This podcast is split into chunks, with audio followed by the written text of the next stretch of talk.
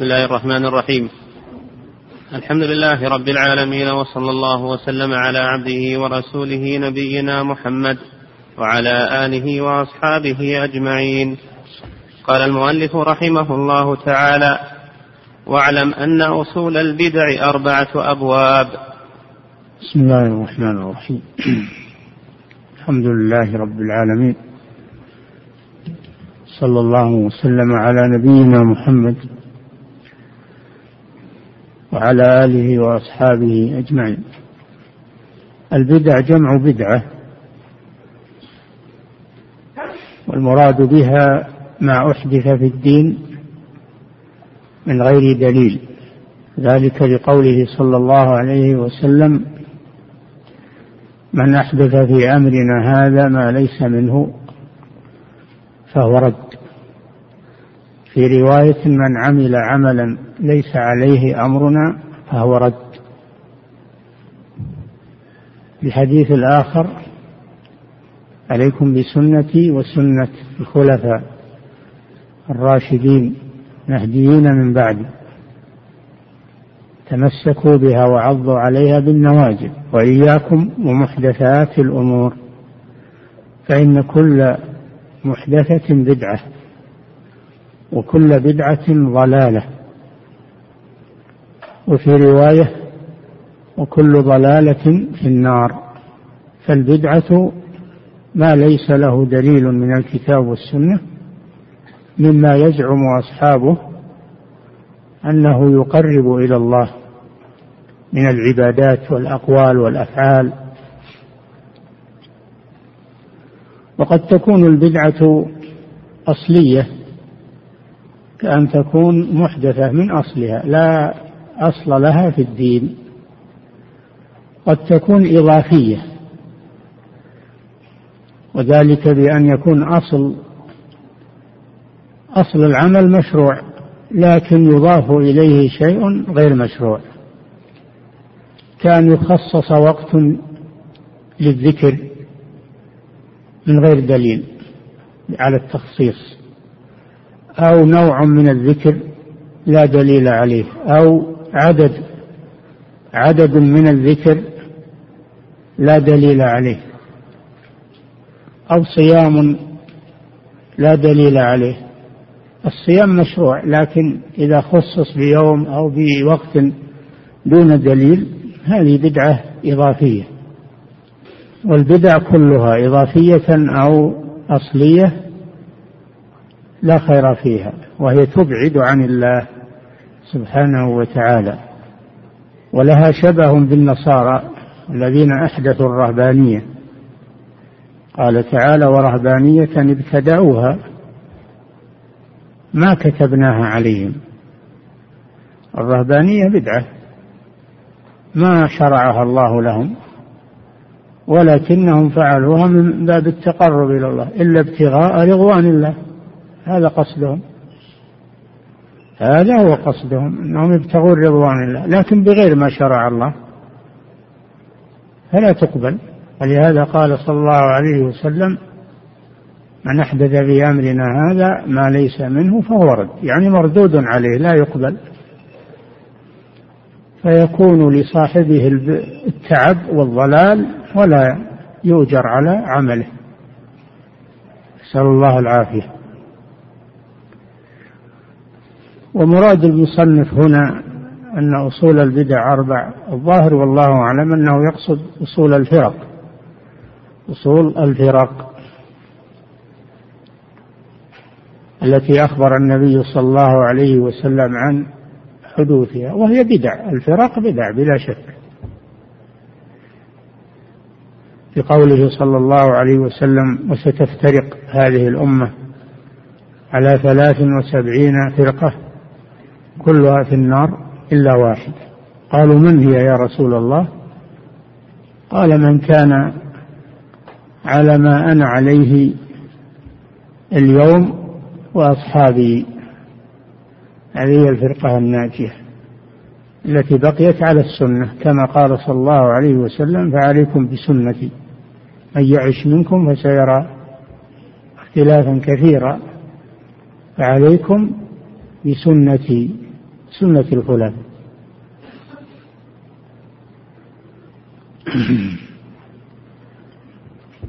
فأخبر صلى الله عليه وسلم أن هذه الأمة ستفترق كما افترقت الأمم اليهود والنصارى قبلها.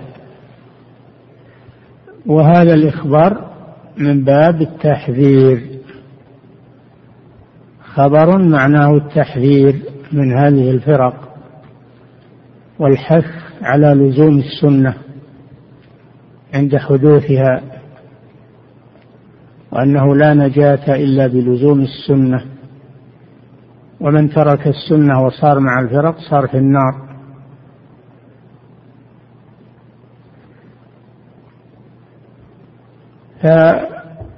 فالفرق التي ظهرت كثيرة جدا لكن أصولها أربع فرق.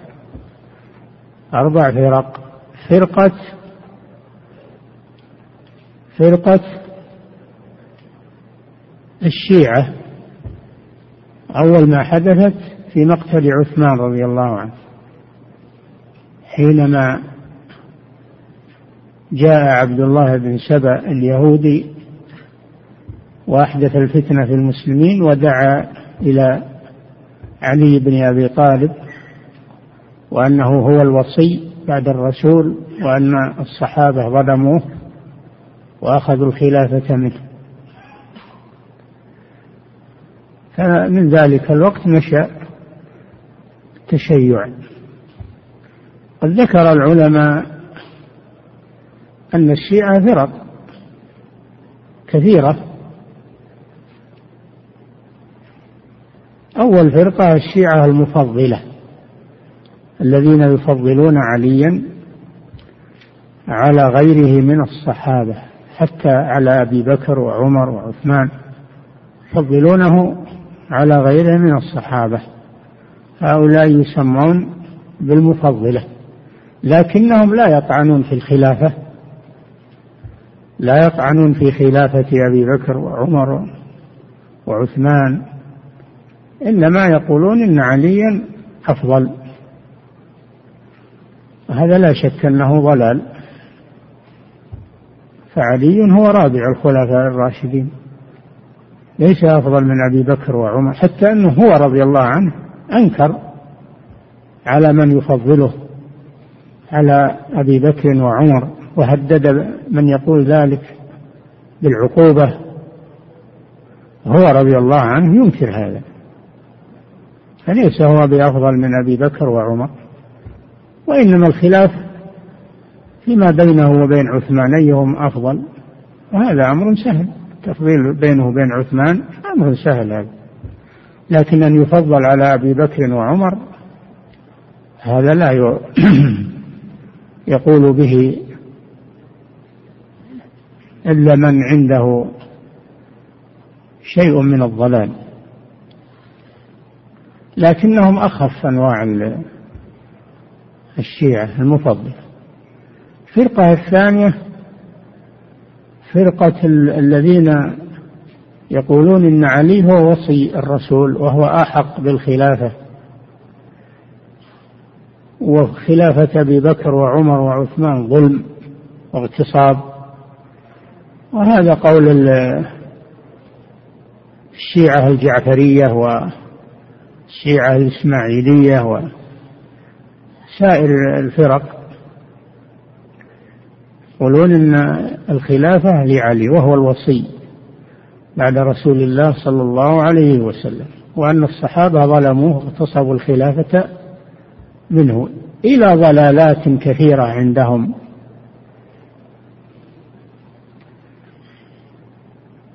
والجعفرية نسبة إلى جعفر ابن محمد جعفر الصادق ابن محمد الباقر. نسبة إلى جعفر لأنهم يقولون أن الخلافة بعد إن الإمامة إن الإمامة بعد محمد الباقر صارت لابنه جعفر الصادق. لذلك سموا بالجعفرية. سموا بالجعفرية. والموسوية نسبة إلى موسى الكاظم بن جعفر الصادق والإسماعيلية نسبة إلى إسماعيل بن محمد الباقر. قالوا إن الخلافة انتقلت بعد محمد أو الإمامة انتقلت بعد محمد الباقر إلى ابنه إسماعيل لأنه هو الكبير أكبر من جعفر. لكنه مات قبل أبيه. لكنه مات قبل أبيه. فقالوا إن الخلافة انتقلت إليه سموا بالإسماعيلية. تكونت منهم الفاطمية والحرامطة من الإسماعيلية. وهم أضل من الجعفرية. أضل أشد ضلالا من الجعفرية. وهناك الشيعة الغلاة الشيعة الغلاة الذين يقولون إن الرسالة لعلي ولكن جبريل خان فصرفها لمحمد. وإلا فالخلافة أصلها لعلي خان الأمين وصدها عن حيدرة. الأمين جبريل عليه السلام. صد الخلاف الرسالة من محمد إلى حيدرة يعني علي يسمونه حيدرة. وغلاة أشد منهم يقولون إن علي إله إن علي إله. وهم الذين حرقهم علي بن أبي طالب رضي الله عنه بالنار. حرقهم بالنار.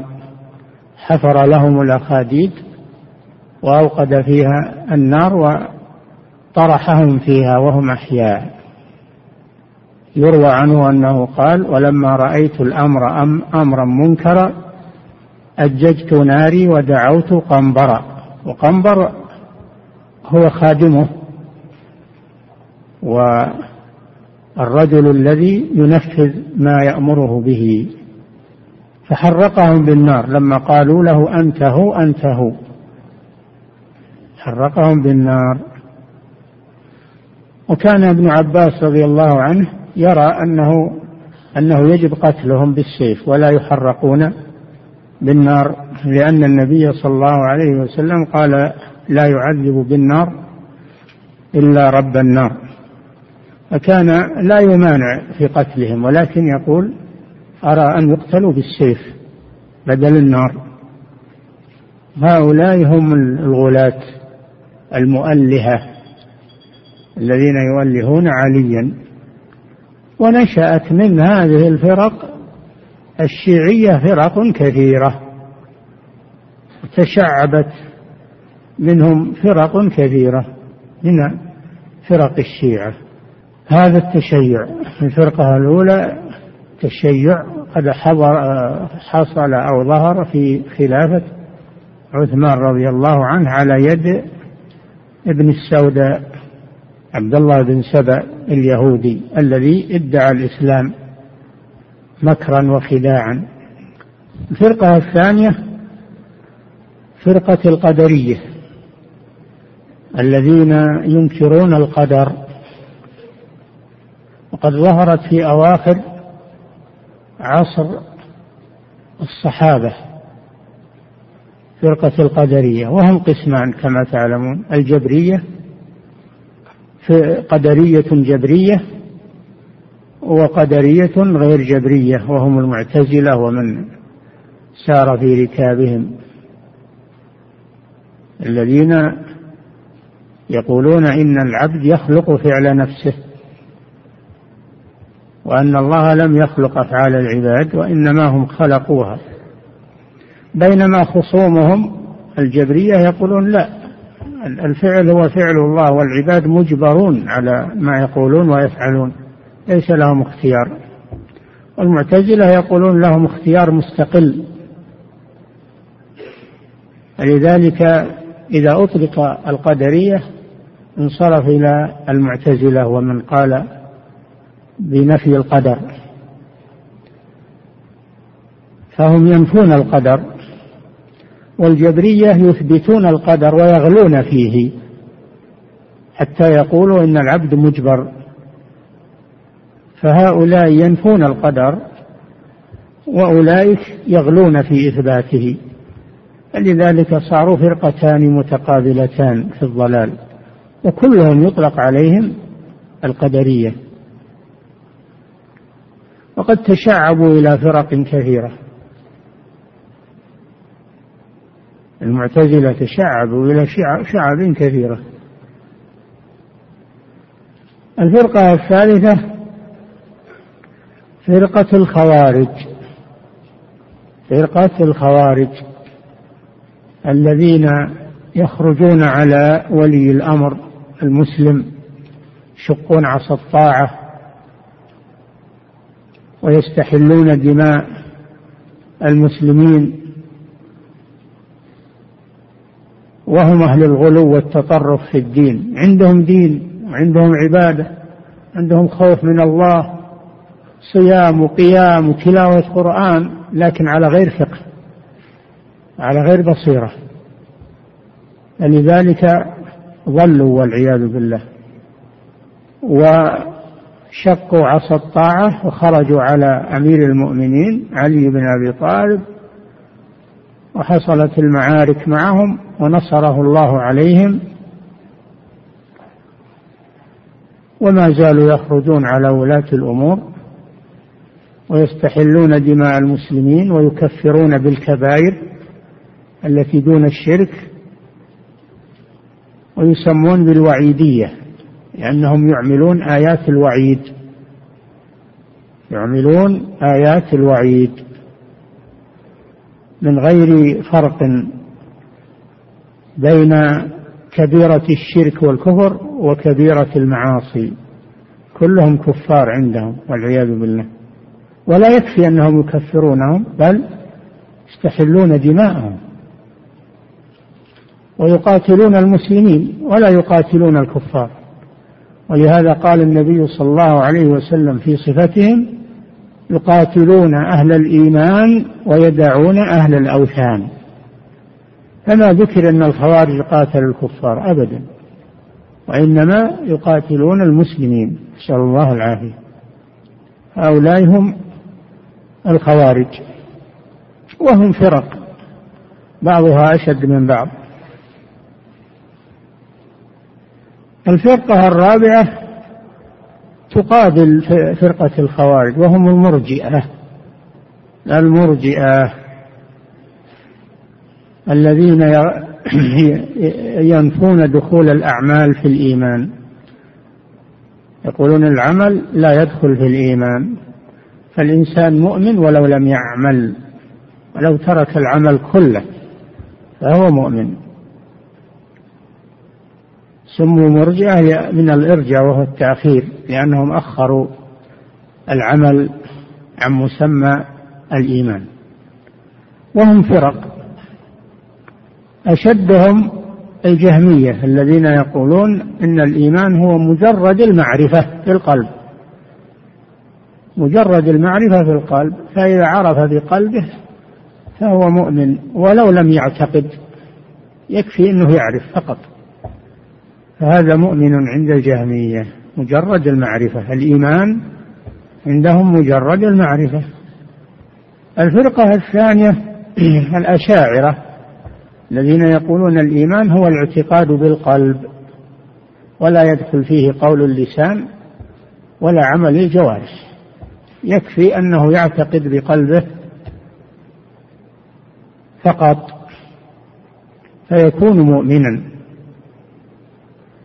والفرقة الثالثة تقابلهم وهم الكرامية الذين يقولون إن الإيمان هو النطق باللسان ولو لم يعتقد بقلبه. الإيمان هو النطق باللسان ولو لم يعتقد بقلبه. والفرقة الرابعة مرجئة الفقهاء الذين يقولون الإيمان هو الاعتقاد بالقلب مع النطق باللسان ولو لم يعمل. كلهم يتفقون على أن العمل لا يدخل في الإيمان لكن يختلفون في مذاهبهم في في عمل القلب وقول اللسان. وهؤلاء مرجئة مرجئة الفقهاء وهم أخف فرق المرجئة. هذه هذا والله أعلم قصد المؤلف أن أصول الفرق هذه الأربع. أصول الفرق هذه الأربع. الشيعة القدرية الخوارج المرجئة. فالخوارج غلوا في إدخال العمل في الإيمان. غلوا في إدخال العمل بالإيمان وقالوا من ترك العمل يكفر مطلقا. يكفر مطلقا. من ترك العمل يكفر مطلقا. والمرجع على العكس. غلوا في نفي العمل عن الإيمان وقالوا لا يكفر من ترك العمل مطلقا. أما أهل السنة والجماعة والحمد لله قد هداهم الله إلى الحق. فهدى الله الذين آمنوا لما اختلفوا فيه من الحق بإذنه. والله يهدي من يشاء إلى صراط مستقيم. يقولون الإيمان قول باللسان واعتقاد بالقلب وعمل بالجوارح. يزيد في الطاعة وينقص في المعصية. لكنه لا يزول بزوال كل العمل. كما تقوله الخوارج. ولا يبقى مع زوال العمل كله كما تقوله المرجئة بل من العمل ما تركه كفر كترك الصلاة ومن العمل ما تركه غير كفر كبيرة من كبائر الذنوب كالزنا والسرقة وشرب الخمر وغير ذلك. فهذا هو التفصيل الذي عليه أهل السنة والجماعة. والحمد لله. وهو يجمع بين آيات الوعد التي تمسك بها المرجئة وآيات الوعيد التي تمسك بها الخوارج. فأهل السنة والجماعة يجمعون بين آيات الوعد وآيات الوعيد. ويفسرون بعضها ببعض ويقيدون بعضها ببعض. فيردون المتشابه إلى المحكم. ويعملون بالجميع ويقولون آمنا به كل من عند ربنا. هذه الفرق تشعبت منها فرق كثيرة كثيرة كثيرة. ومن أراد أن يطلع على ذلك ليراجع كتب الفرق مثل الملل والنحل للشهرستاني الفرق بين الفرق للبغدادي مقالات الإسلاميين واختلاف المصلين. لأبي الحسن الأشعري الفصل في الملل والنحل ابن حزم إنهم ذكروا هذه الفرق وتشعباتها تفرقاتها. وما أحب أن طالب العلم المبتدئ يدخل في هذه الاختلافات لئلا يتشوش فكره. ما أحب لطالب العلم المبتدئ أنه يطلع على كتب الفرق. لكن العالم المتمكن لا بأس يطلع عليها. نعم. واعلم أن أصول البدع أربعة أبواب. يتشعب من هذه الأربعة اثنان وسبعون هوى. بل أكثر من ذلك يتشعب منها فرق كثيرة. نعم. يتشعب من هذه الأربعة اثنان وسبعون هوى. كما في الحديث ستفترق هذه الأمة على ثلاث وسبعين كلها في النار. فإذا أخذت اثنين وسبعين يبقى واحدة فقط في الجنة. نعم. ثم وهناك من ينكر هذا الحديث من أهل الضلال ومن الصحفيين الآن ينكرون هذا الحديث يقولون الدين جاء بحرية الآراء. حرية الاعتقادات وأن لا يحجر على الناس وقال صيروا على عقيدة واحدة وعلى قول واحد يعني لا تكونوا على قول الرسول صلى الله عليه وسلم. بل كل له رأيه وكل له حريته. ضلال مبين والعياذ بالله. نعم. يتشعب من هذه الأربعة اثنان وسبعون هوى. ثم يصير هوى قال هوى لأن الفرق تبني على الهوى على هواها. كلها إنما تفرقت لأنها تتبع أهواءهم يتبعون أهواءهم. وإلا لو اتبعوا الدليل ما تفرق. قال تعالى فإن لم يستجيبوا لك فاعلم أنما يتبعون أهواءهم. ومن أضل ممن اتبع هواه بغير هدى من الله. ولذلك يسمون هذه الفرق بأهل الأهواء لأنهم لا يتبعون الدليل وإنما يتبعون أهواءهم. نعم. يتشعب من هذه الأربعة اثنان وسبعون هوى ثم يعني فرقة سميت هوى لأنها متبعة للهوى لا للدليل من الكتاب والسنة. نعم. ثم يصير كل واحد من البدع يتشعب. نعم. نعم. حتى تصير كلها إلى ألفين وثمانمائة, وثمانمائة كلها, كلها ضلالة. أو أكثر من ذلك. أكثر من ثمانمائة. الله أعلم. نعم. حتى تصير كلها إلى ألفين وثمانمائة كلها ضلالة. وكلها في النار إلا واحدة. كلها بتشعباتها في النار لأنهم اتبعوا الهوى وتركوا ما كان عليه النبي صلى الله عليه وسلم وأصحابه الذي هو النجاة.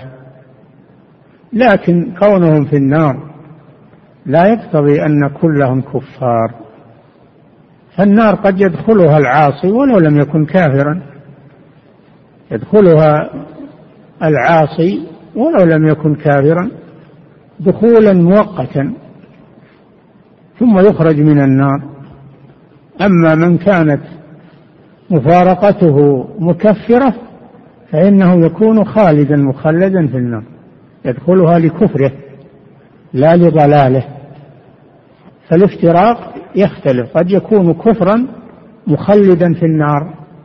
وقد يكون ضلالا لا يخلد في النار وإنما يعذب بقدر معصيته. فيكون من أهل الكبائر. نعم.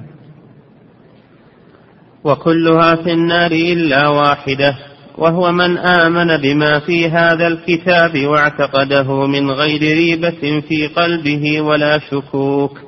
هو من آمن بما جاء عن النبي صلى الله عليه وسلم. من الكتاب والسنة. من الكتاب والسنة. وهذا الكتاب الذي هو شرح آه، البربهاري إنما هو توضيح لما في الكتاب والسنة. ذكر أصول أهل السنة والجماعة.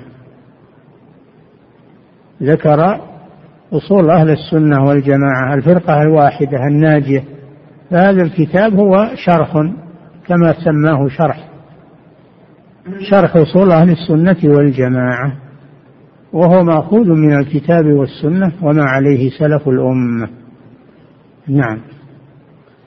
وهو من آمن بما في هذا الكتاب واعتقده من غير ريبة في قلبه ولا شكوك.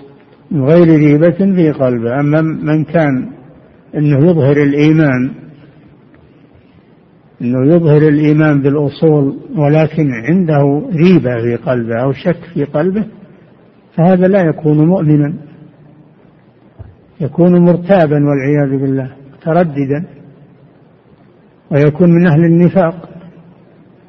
فلا بد أن يصدق بقلبه ما يقوله لسانه. يصدق بقلبه ما يقوله لسانه.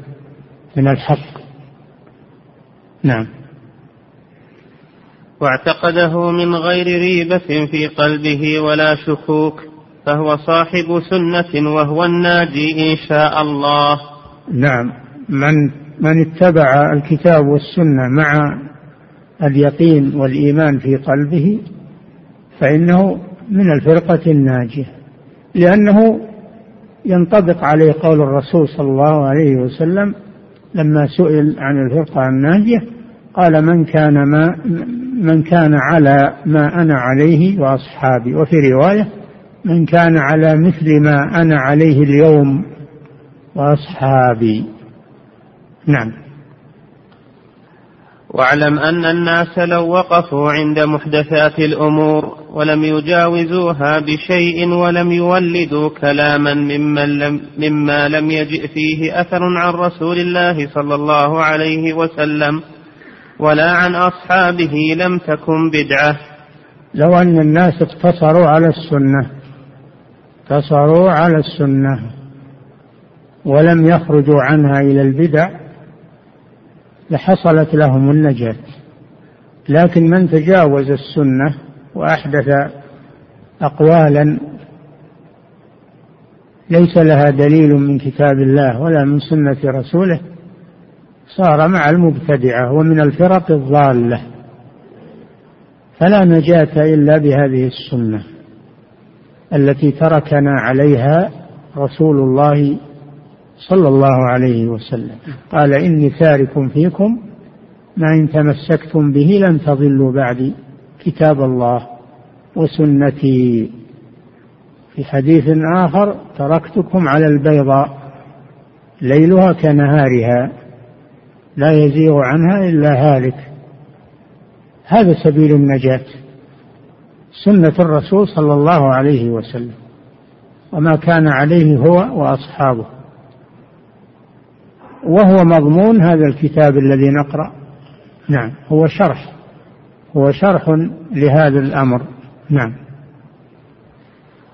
واعلم أنه ليس بين العبد وبين أن يكون مؤمنا حتى يصير كافرا إلا أن يجحد شيئا مما أنزل الله.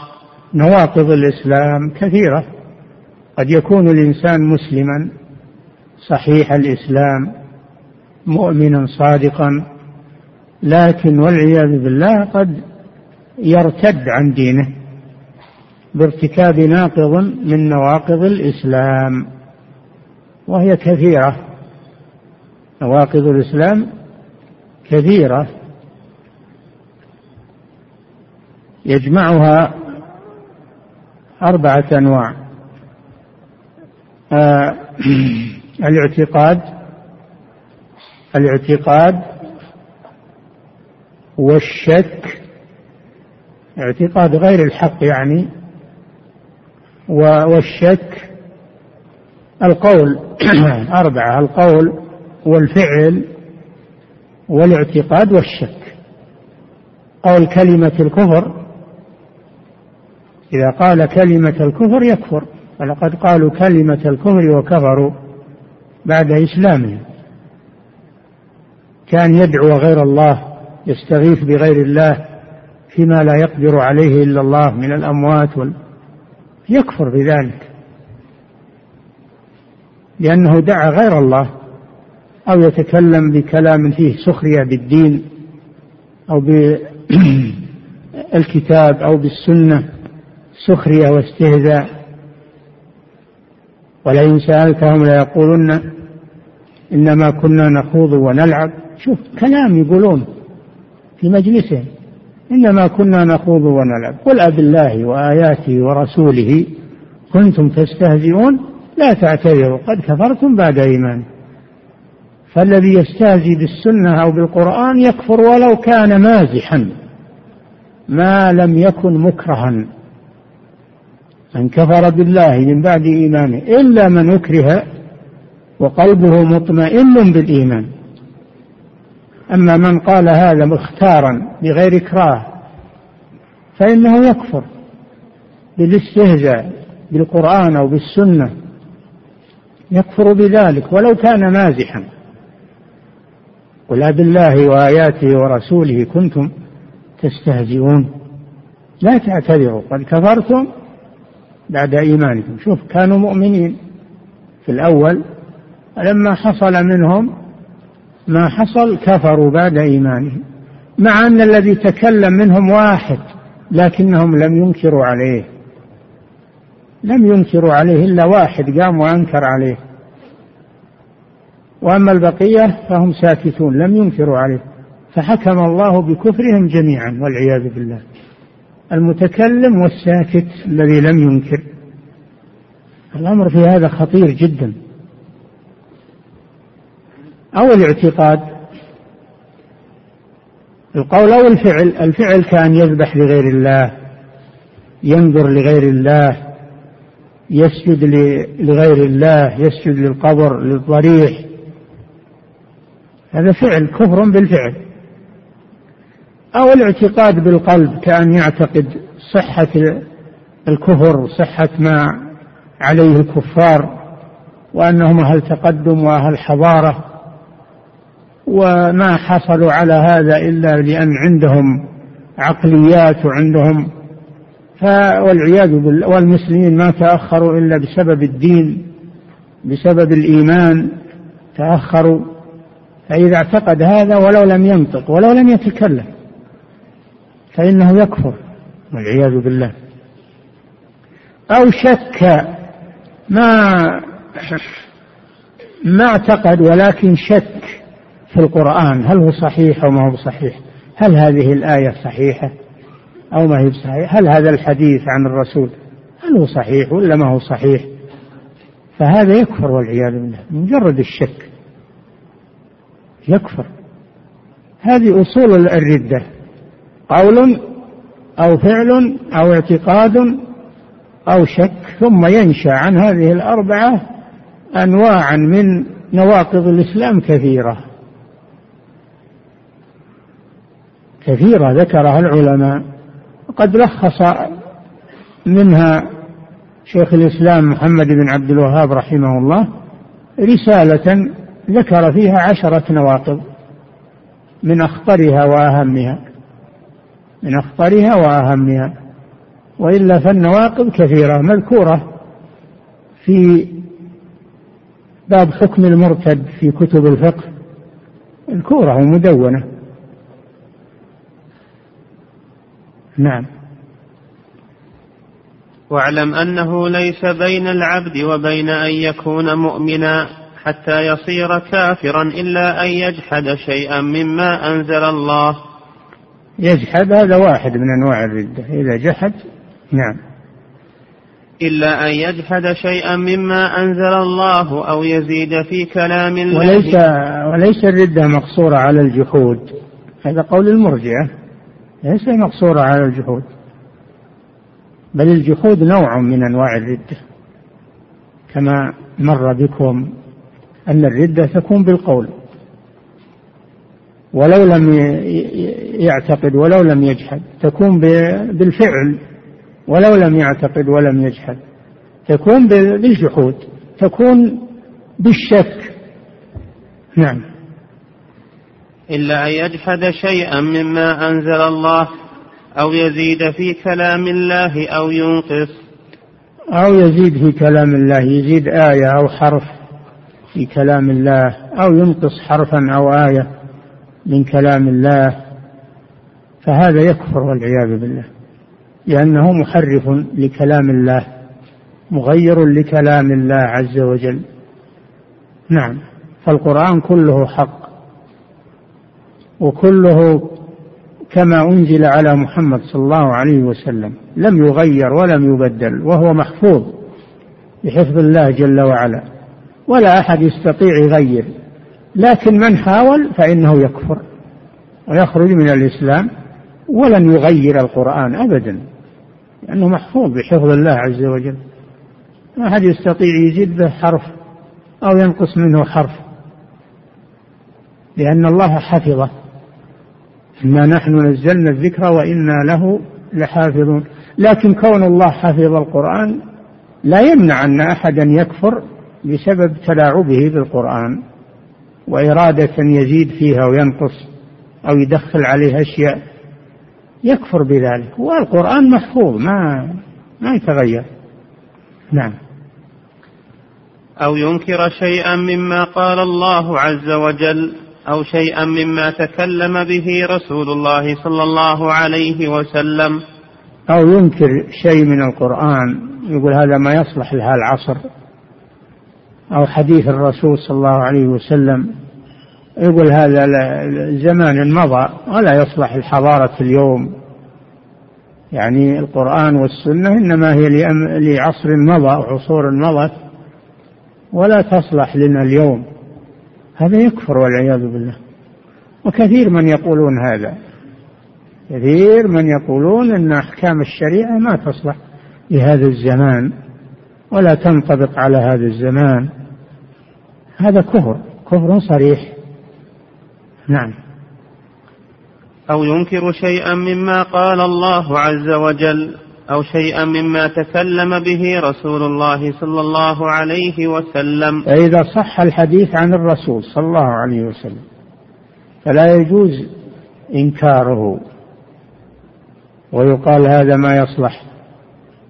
ولو يقولون ولو صح عن عن الرسول وما يصلح لهذا الوقت.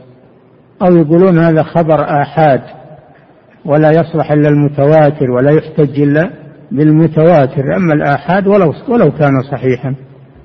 وهذا عليه كثير من أهل الضلال خصوصا علماء الكلام وعلماء المنطق. لا يبنون العقيدة إلا على علم العقول ولا وقواعد المنطق ولا يبنونها على الكتاب والسنة لأنها أخبار آحاد. الأحاديث كثير منها أخبار آحاد يقولون. تفيد الظن ولا تفيد اليقين. هذا ضلال والعياذ بالله وتكذيب للرسول صلى الله عليه وسلم. دعنا من اللي يقولون الآن إن, إن هذه الأحاديث ما تنطبق على هذا الزمان ولا تصلح لهذا الزمان. نعم. فاتق الله وانظر لنفسك. اتق الله أنت أن يقع في نفسك شيء من هذه الأمور فتخرج عن دينك. اتق الله في نفسك ولا تزكي نفسك أو تأمن على دينك تقول أنا ما علي خوف. إنسان يخاف من الفتنة. الحي لا تؤمن عليه الفتنة. الإنسان يخاف من الفتنة. يخاف على نفسه. نعم. فاتق الله وانظر لنفسك. وإياك والغلو في الدين. انظر لنفسك لا تناظر للناس وما عليه الناس انظر لنفسك. يا أيها الذين آمنوا عليكم أنفسكم لا يضركم من ضل. إذا اهتديتم ما تقول لك هذا عليه الناس كلهم؟ ولا انظر لنفسك انجو بنفسك. الناس دعهم عنك. إذا لم يقبلوا الحق فأنت اثبت عليه.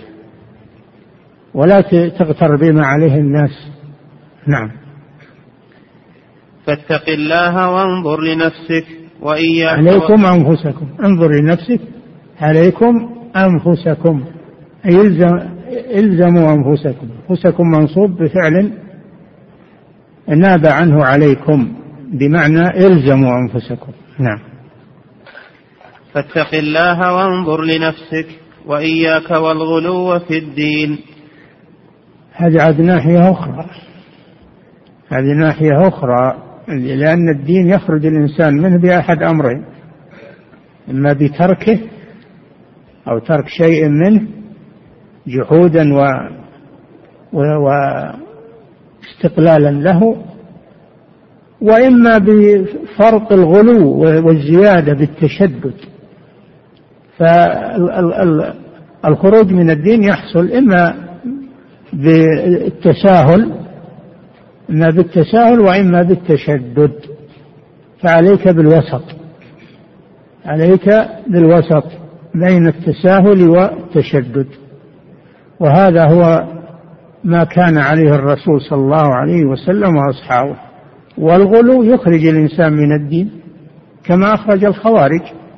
قال صلى الله عليه وسلم فيهم يمرقون من الدين كما يمرق السهم من الرمي من الرمية.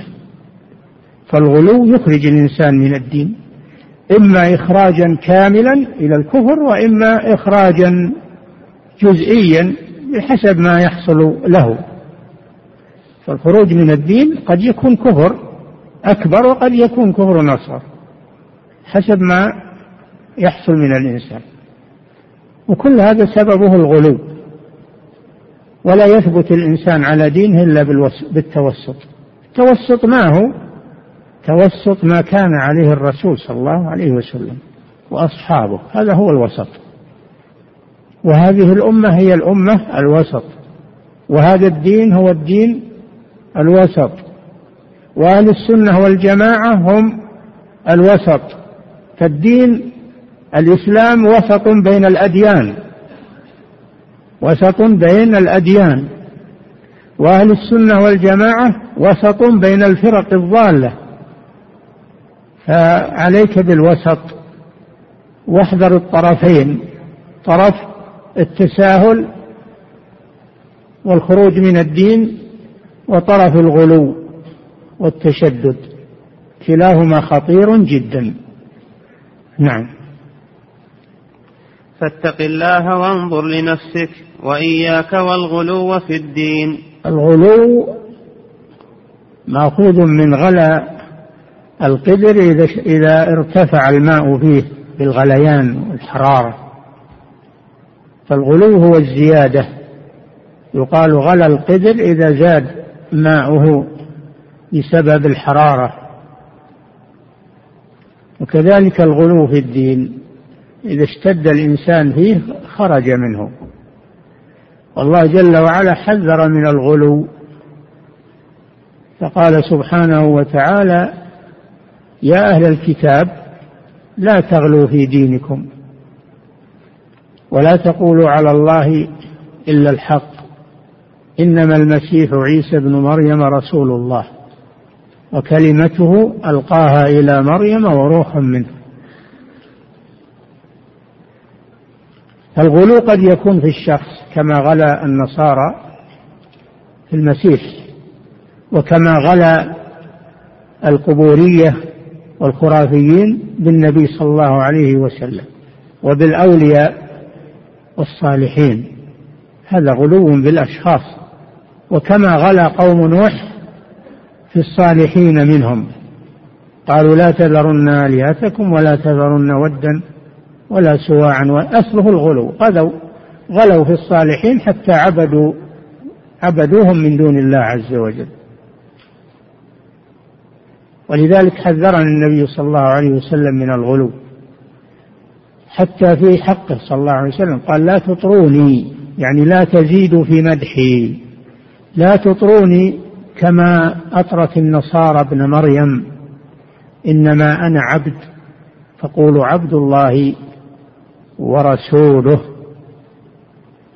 إنما أنا عبد أقول عبد الله ورسوله. ولما قال له جماعة أنت سيدنا وابن سيدنا يا خيرنا وابن خيرنا قال قولوا بقولكم أو بعض قولكم ولا يستجرينكم الشيطان. أنا رسول الله أنا عبد الله ورسوله ما أحب أن ترفعوني فوق منزلتي. هكذا الرسول صلى الله عليه وسلم أوصانا بعدم الغلو فيه صلى الله عليه وسلم ومن باب أولى الغلو في غيره من الأولياء والصالحين حتى نعتقد فيهم أنهم ينفعون أو يضرون حتى إن بعضهم يقول إن الأولياء يوجدون الأجنة في البطون الأولياء في القبور يخلقون الأجنة في البطون لا حول ولا قوة إلا بالله. هذا من الغلو. هذا غلو في الأشخاص. وقد يكون الغلو في الدين في العبادة. يكون الغلو في العبادة. مثل مثل غلو النصارى في في الرهبانية. ومثل الذين جاءوا إلى النبي صلى الله عليه وسلم يسألون عن عمله. لما أخبروا كأنهم تقالوا عمل الرسول. ولكن قالوا إن الرسول غفر له ما تقدم من ذنبه وما تأخر يعني فليس هو بحاجة إلى كثرة العمل.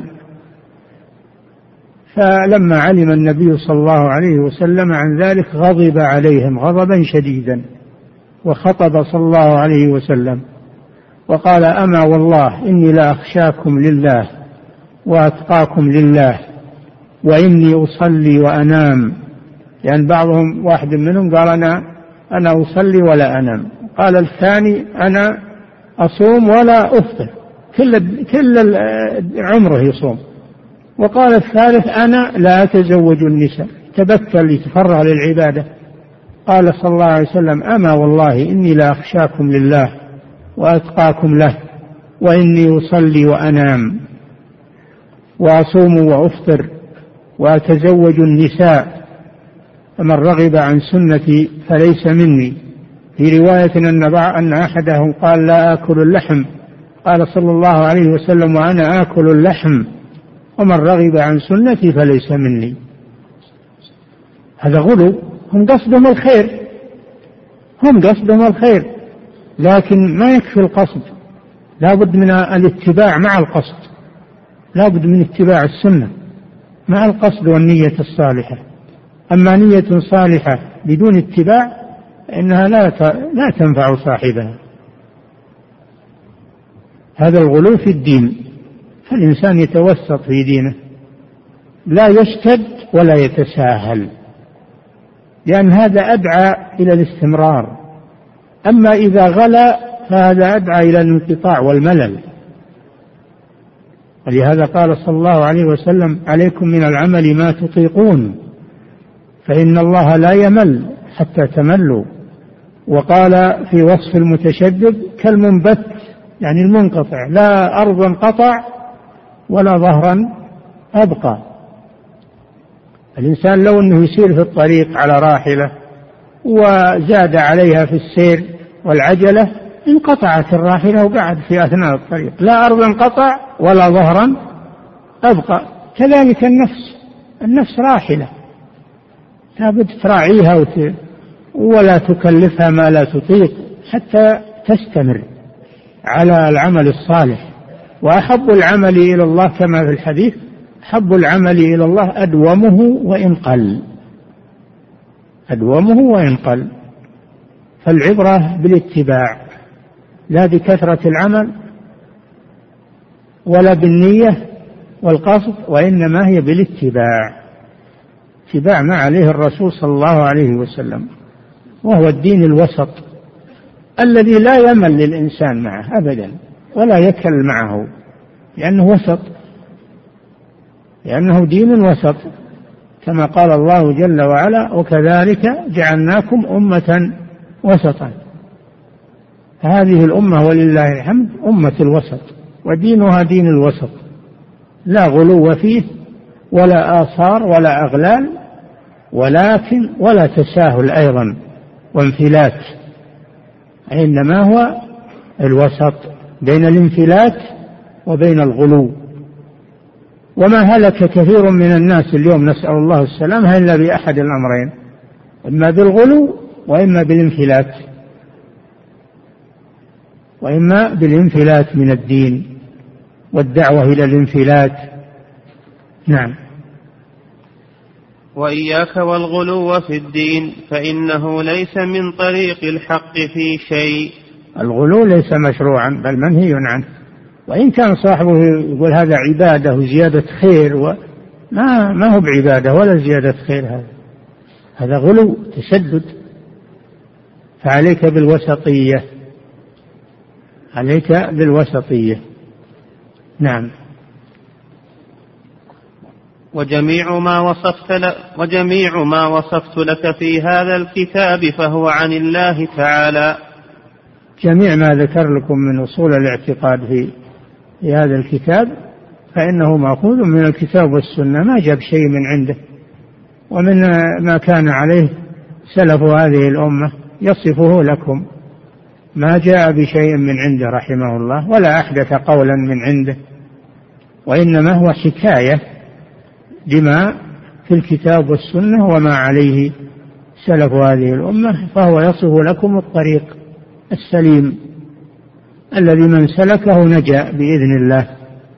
نعم. وجميع ما وصفت لك في هذا الكتاب فهو عن الله تعالى وعن رسوله صلى الله عليه وسلم. لأنه مستند إما إلى القرآن الكريم وإما إلى السنة النبوية فهو عن الله ورسوله. نعم. وعن أصحابه رضي الله عنهم وعن التابعين. وكذلك أيضا ما ذكر في هذا الكتاب فهو عن القرون المفضلة التي أثنى عليها الرسول صلى الله عليه وسلم. قال خيركم قرني ثم الذين يلونهم ثم الذين يلونهم. قال الراوي عمران بن حصين رضي الله عنه لا أدري ذكر بعد قرنه اثنين أو ثلاثة. القرون تسمى القرون المفضلة. هي أربعة قرون أو ثلاثة قرون. أمرنا النبي صلى الله عليه وسلم بالاقتداء بهم الله جل وعلا يقول والسابقون الأولون من المهاجرين والأنصار والذين اتبعوهم بإحسان. القرون المفضلة تابعون وأتباع التابعين والقرن الرابع كانوا يتبعون السابقين الأولين من المهاجرين والأنصار بإحسان يعني بإتقان الإحسان المراد به الإتقان الذي ليس فيه غلو وليس فيه تساهل هذا هو الإحسان. نعم والذين اتبعوهم بإحسان رضي الله عنهم ورضوا عنه. نعم. فكم ممن يدعي أنه على منهج السلف ولكنه ليس بإحسان؟ لأنه ما يعرف منهج السلف. ويظن أن هذا الفعل أو هذا القول أنه من قول السلف. فلا يكون بإحسان. لا بد إذا أردت أن تنهج منهج السلف أن تتعلم طريقتهم. وهذا الكتاب من الكتب التي تصف لك طريقة السلف. وتبينها لك. نعم. وعن أصحابه رضي الله عنهم وعن التابعين وعن القرن الثالث إلى القرن الرابع. القرون التي أثنى عليها الرسول صلى الله عليه وسلم وهي ثلاثة قرون الصحابة والتابعون وأتباع التابعين والرابع من بعد أتباع التابعين. نعم وإذا تأملت وجود الأئمة ووجود الحفاظ ووجود وجدتهم في هذه القرون. سبحان الله. وجدتهم كلهم في هذه القرون. فيها الأئمة الأربعة وفيها وفيها من من الأئمة الكبار. النجوم النيرة كلهم في هذه القرون. هذا مصداق ما مصداق ما أخبر به صلى الله عليه وسلم. قوله خيركم قرني ثم الذين يلونهم ثم الذين يلونهم. نعم. فاتق الله يا عبد الله. وعليك بالتصديق والتسليم والتفويض والرضا بما في هذا الكتاب.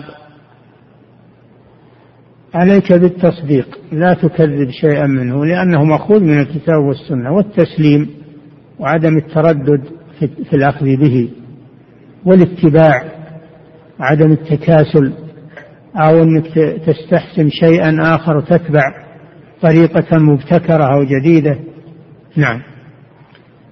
فاتق الله يا عبد الله وعليك بالتصديق والتسليم والتفويض والرضا بما التفويض يعني لا تحدث شيء من عندك. ما هو بالتفويض اللي عليه المفوضة في الصفات. لا التفويض معناه إنك ما تحدث شيء من عندك بل تتبع ما عليه القوم. نعم. والتسليم والتفويض والرضا بما في هذا الكتاب. من أصول أهل السنة والجماعة. ما هو بعد مدح وتزكية لكتابه كما يظن بعض الشراح. إنما هو يحث على الأخذ بما ذكره فيه لأنه من ولا ما هو بيثني على كتابه. لكنه يحثك على أن تأخذ بما ذكره فيه من الأصول الصحيحة من الكتاب والسنة. ولم يأتي بشيء من عنده أو يبتكر بشيء من عنده أبدا. نعم. ولا تكتم هذا الكتاب أحدا من أهل القبلة. نعم. ولا تكتم هذا الكتاب أحدا من أهل القبلة. يعني انشره انشر هذا الكتاب ووزعه على أهل القبلة يعني على المسلمين لينتفعوا به لأن هذا من نشر العلم النافع ومن التواصي بالحق. وهكذا يجب أن تنشر الكتب النافعة. المفيدة ولا سيما الكتب الأصيلة. مثل وكل ما تقادم الكتاب كل ما تقادم الكتاب فهو أقرب إلى الحق لأنه يكون قريب من القرون المفضلة. نعم.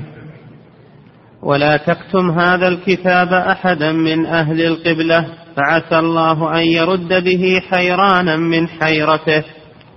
نعم. هذه فائدة نشر الكتب المفيدة أن الله قد يرد بها حيرانا من حيرته أو ضالا عن ضلالته. لأن بعض الناس يكون جاهلا ولو بين له الحق لاتبعه. هذا هو الذي يستفيد من نشر الكتب. أما الزايغ الذي الزايغ الذي يتبع هواه فهذا لم تفيده الكتب شيئا بل ربما تفتنه أكثر. نعم. فعسى الله أن يرد به حيرانا من حيرته أو صاحب بدعة من بدعته أو ضالا عن ضلالته فينجو به. نعم فيكون لك الأجر يكون لك الأجر في توزيع هذا الكتاب وأمثاله ما هو خاص بهذا الكتاب. كل الكتب النافعة كتب العقيدة بالذات. هذه يجب أنها تنشر. كتب العقيدة الأصيلة مأخوذة من الكتاب والسنة يجب أنها تنشر وتوزع على الناس. بدل أن يوزع عليهم كتب الضلال وكتب دعوة الضلال توزع عليهم هذه الكتب. لأن كثير من الناس على جهل. لو بين لهم الحق لا قبلوه وانتفعوا به. نعم. فاتق الله وعليك بالأمر الأول العتيق. عليك بالأمر الأول وهو ما كان عليه الرسول صلى الله عليه وسلم وأصحابه القرون المفضلة. العتيق يعني القديم. هذا في ضمنه التحذير مما جد من الشرور والفتن. فإذا رأيت الاختلاف ورأيت كثرة الأقوال فعليك أن تنظر بما عليه السلف الصالح أن تتمسك به لأنه الحق. نعم. فاتق الله وعليك بالأمر الأول العتيق وهو ما وصفت لك في هذا الكتاب. من أصول اعتقاد أهل السنة والجماعة بسطه رحمه الله ووسع فيه القول. نعم. فرحم الله عبدا ورحم والديه. قرأ هذا الكتاب وبثه وعمل به ودعا إليه. نعم وأمثاله من الكتب النافعة. فالكتب النافعة يجب أنها تبث وتنشر ولمن بثها ونشرها أجر نشر العلم وإخراج الناس من الظلمات إلى النور. أكثر الناس إنما وقعوا في الضلالة لأنه ما تصل إليهم هذه الكتب الأصيلة. وإنما تصل إليهم كتب أهل الضلال والفرق الضالة ويظنونها حقا. فلو أن هذه الكتب الأصيلة اعتني بها ووزعت على الناس لهدى الله بها من شاء من خلقه. نعم. وبثه وعمل به ودعا إليه واحتج به فإنه دين الله ودين رسوله صلى الله عليه وسلم. نعم. معني ما ذكر فيه. نعم. وأنه من استحل شيئا خلافا لما في هذا الكتاب فإنه ليس يدين لله بدين. يكفي نقف عند هذا. نعم. أحسن الله إليك. بعض الشراح ينقمون على المؤلف يقولون هذا تزكية لكتابه. لا وليس كذلك. ما تزكية لكتابه وإنما هو حث على لزوم منهج السلف في هذا الكتاب وفي غيره. نعم. نعم. أحسن الله إليكم صاحب الفضيلة وجزاكم الله خيرا. هذه أسئلة كثيرة أعرض على فضيلتكم ما تيسر منها. هذا السائل يقول ما المقصود بالرهبانية التي ابتدعها النصارى؟ الرهبانية الرهبانية الزيادة في في التعبد وترك الدنيا ترك الدنيا والتفرغ للعبادة في الصوامع؟ تركوا الدنيا وخلوا في الصوامع للعبادة بزعمهم.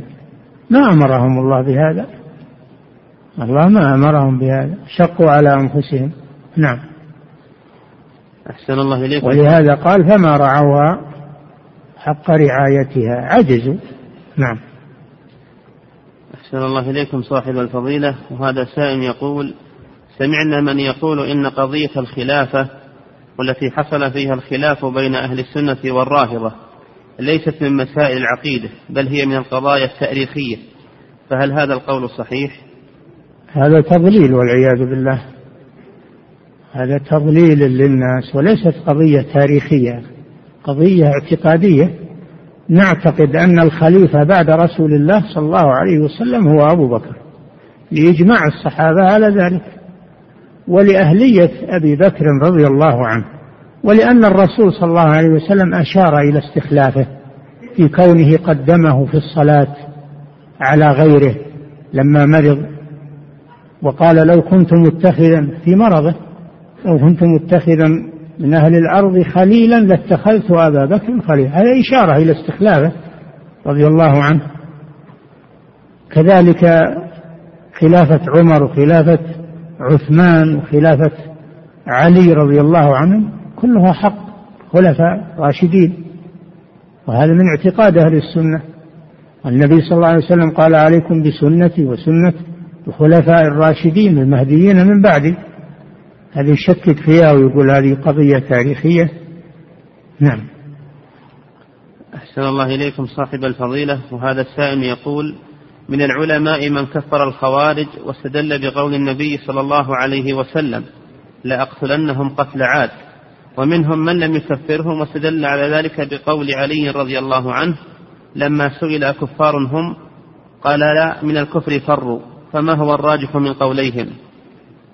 نعم اختلف العلماء في تكفير الخوارج فالجمهور على أنهم غير كفار ولا وإنما هم ضلال. وكون علي رضي الله عنه قاتلهم والنبي صلى الله عليه وسلم أمر بقتالهم ليس لكفرهم فمن أراد أن يشق عصا الطاعة وأراد واستحل دماء المسلمين فإنه يقاتل ولو كان مسلما فكونهم يقاتلون لا يدل على كفرهم. فكل من صال على المسلمين يريد شق العصا أو استباحة الدماء فإنه يقاتل ولو كان مسلما. نعم.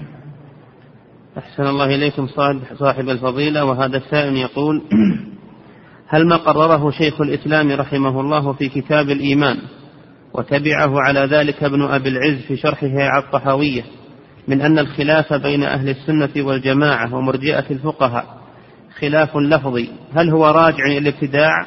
وأرجو التفصيل في ذلك. ما قرر شيخ الإسلام هذا الشيء؟ ما قال أنه خلاف اللفظي؟ هم يكذبون على شيخ الإسلام. ما هو بالخلاف لفظي؟ خلاف حقيقي.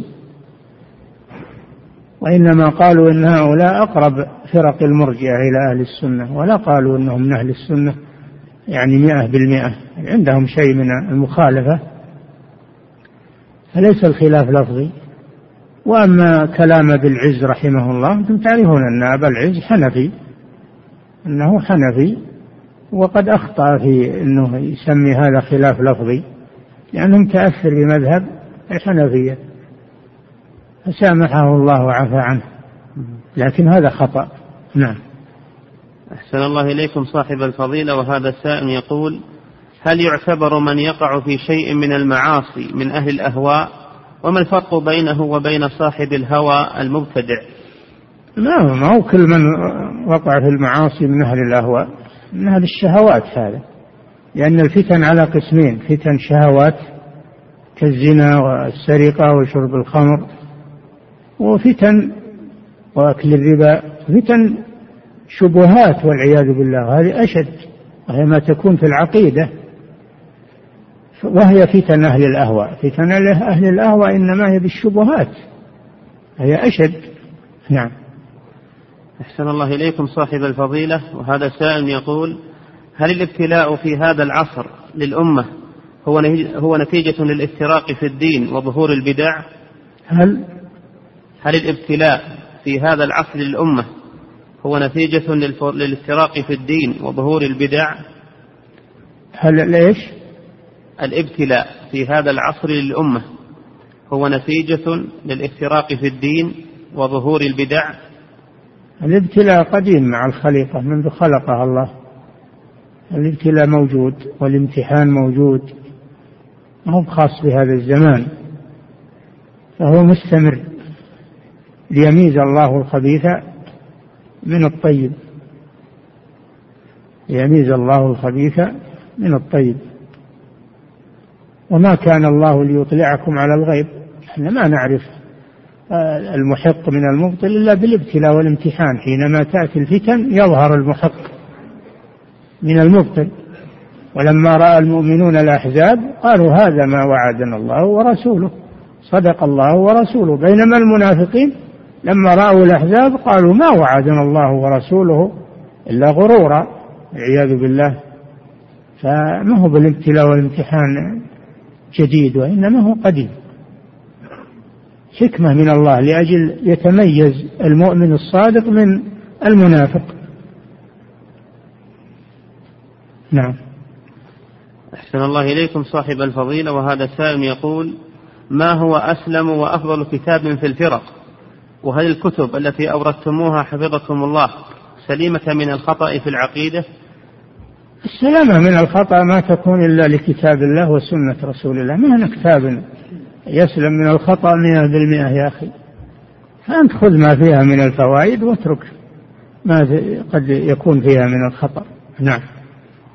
أحسن الله إليكم صاحب الفضيلة وهذا سائل يقول الذي يسأل عن صحة حديث من أحاديث النبي صلى الله عليه وسلم هل يعتبر شاك في حديثه عليه الصلاة والسلام؟ لا. الذي يسأل عن درجة الحديث هذا يتأكد هذا يتأكد وهذا واجب أنه يسأل ويعرف صحة الحديث من ضعفه أو يكون موضوعا. هذا من التأكد وليس هو من الشك. إنما الشك لو صح الحديث ثم شك في معناه وشك في في العمل به. نعم. أحسن الله إليك. وقال ما يصلح هذا الوقت.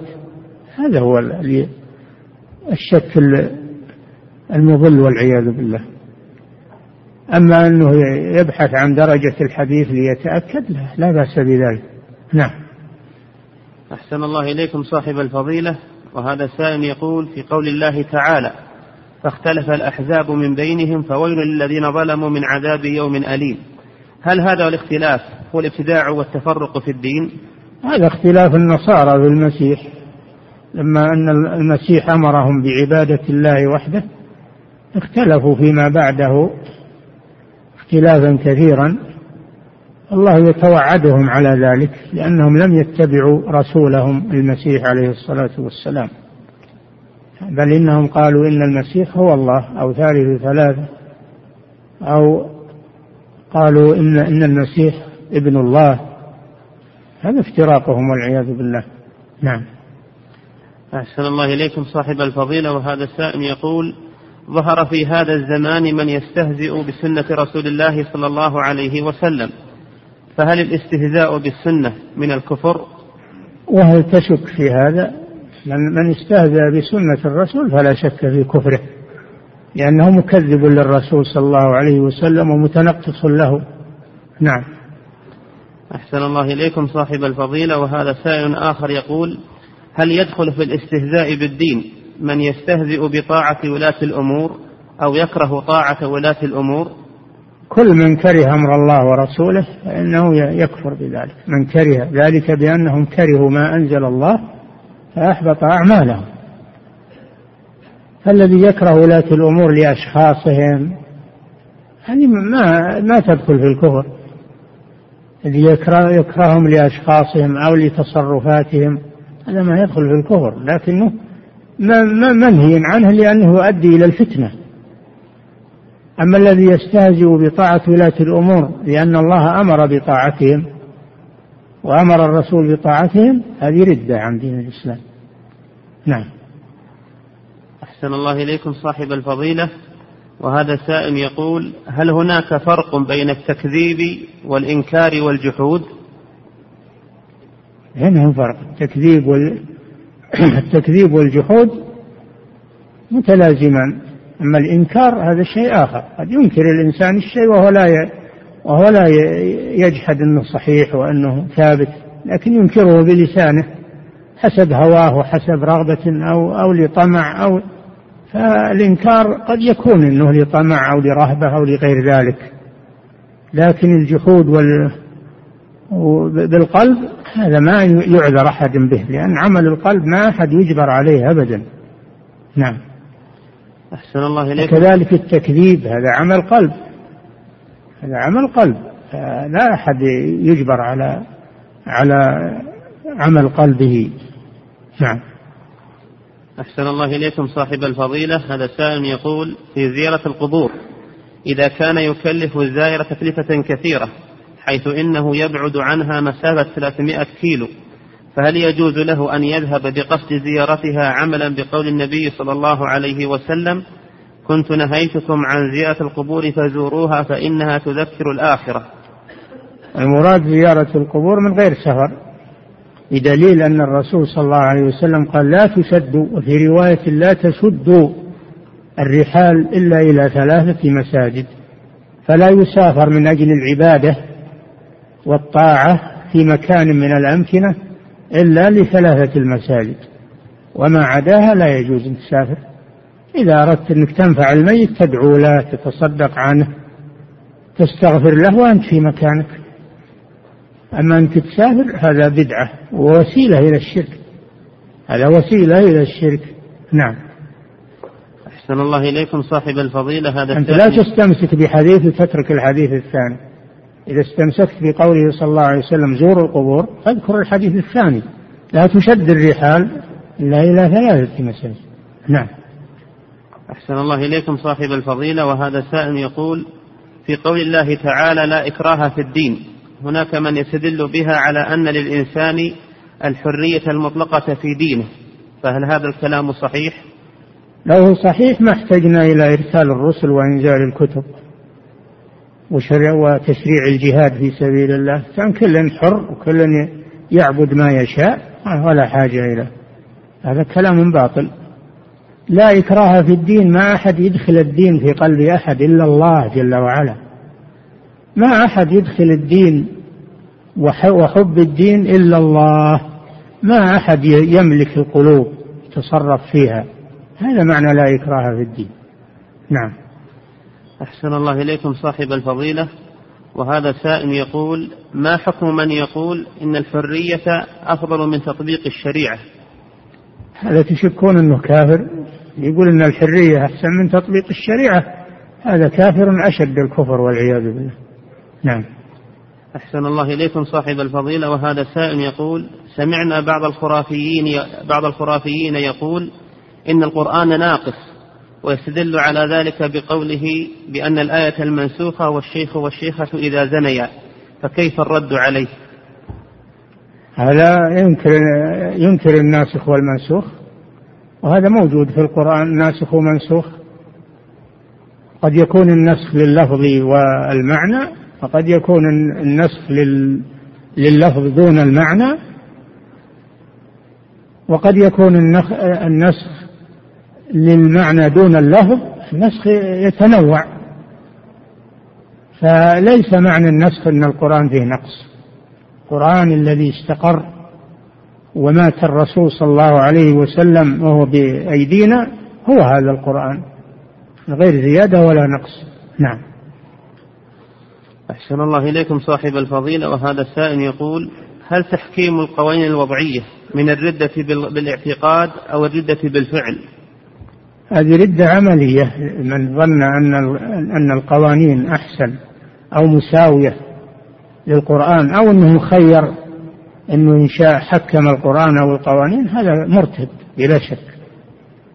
أما لو أنه حكمها طمعا في في طمعا في مال أو في أو خوفا من من ظالم فهذا يكون يكون ضالا ومرتكبا لكبيرة. لكن لا يحكم بكفره. نظرا للعذر الذي الذي هو عليه. نعم. أحسن الله إليكم انتهى الله تعالى أعلم وصلى الله وسلم على نبينا محمد وعلى آله. الله أكبر الله